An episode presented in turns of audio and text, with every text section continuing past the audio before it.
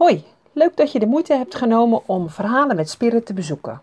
Het is een platform waarop bijzondere verhalen gedeeld worden van mensen die zich inzetten voor een betere wereld, in het klein of in het groot.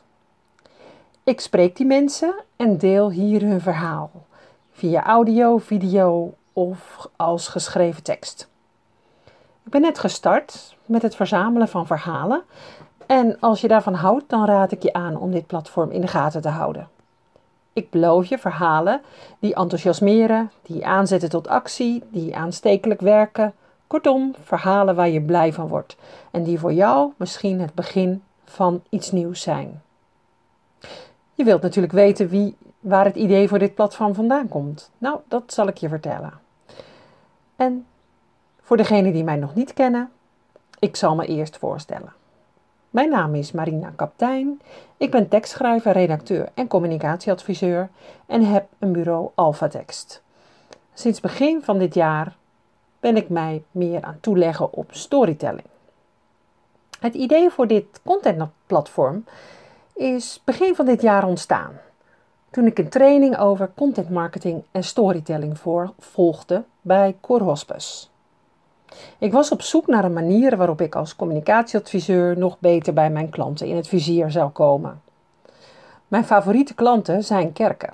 Maar gek genoeg is het lastig, vond ik het lastig, om als communicatieadviseur bij hen binnen te komen. Wat heb ik hun te bieden? Waar zijn zij naar op zoek?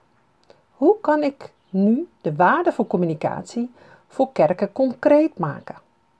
En wat is goede communicatie? Stuk voor stuk vragen waar ik een beetje op vastliep. Maar die training van Cor, die zette mij aan het denken. Die combinatie kerken en storytelling, daar ben ik mee aan de slag gegaan. Want dat fascineerde mij. Als het gaat over storytelling, dan leg je in de kerk al snel de link met de Bijbel. Een bron van verhalen bij uitstek. De basis voor elke kerkdienst. Maar volgens mij is er nog een bron van verhalen ook waardevol, maar amper benut. Dat zijn de verhalen van de mensen in de kerk. Zij zijn de basis van elke gemeente. Mensen hebben geloofsverhalen. Wat is het wat hen drijft, motiveert of inspireert in het leven? Die verhalen, horen we die wel? Halen wij die wel op? Naar mijn idee doen we dat veel te weinig terwijl ze voor de communicatie van de kerk van onschatbare waarde kunnen zijn. Verhalen kunnen duidelijk maken waar de gemeente voor staat. Wat datgene is wat mensen bindt. Ze kunnen, kernwaarden blootleggen. En daarmee hebben we met de verhalen van mensen een waardevolle tool in handen voor de communicatie van kerken. Een tool die tot nu toe amper wordt ingezet, maar zoveel waarde bevat.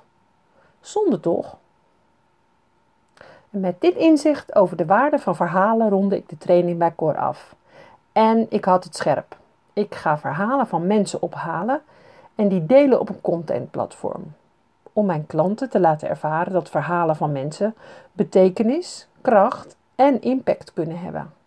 Zo is het idee voor dit platform geboren. Na die training heb ik het idee voor een contentplatform verder uitgewerkt. En of het aanslaat, ja, dat zal blijken. Op dit platform ga ik in elk geval verhalen delen. Vooral, vooral verhalen van mensen die vanuit hun geloof, overtuiging of ideaal zich inzetten voor een betere wereld. Want die verhalen zijn er.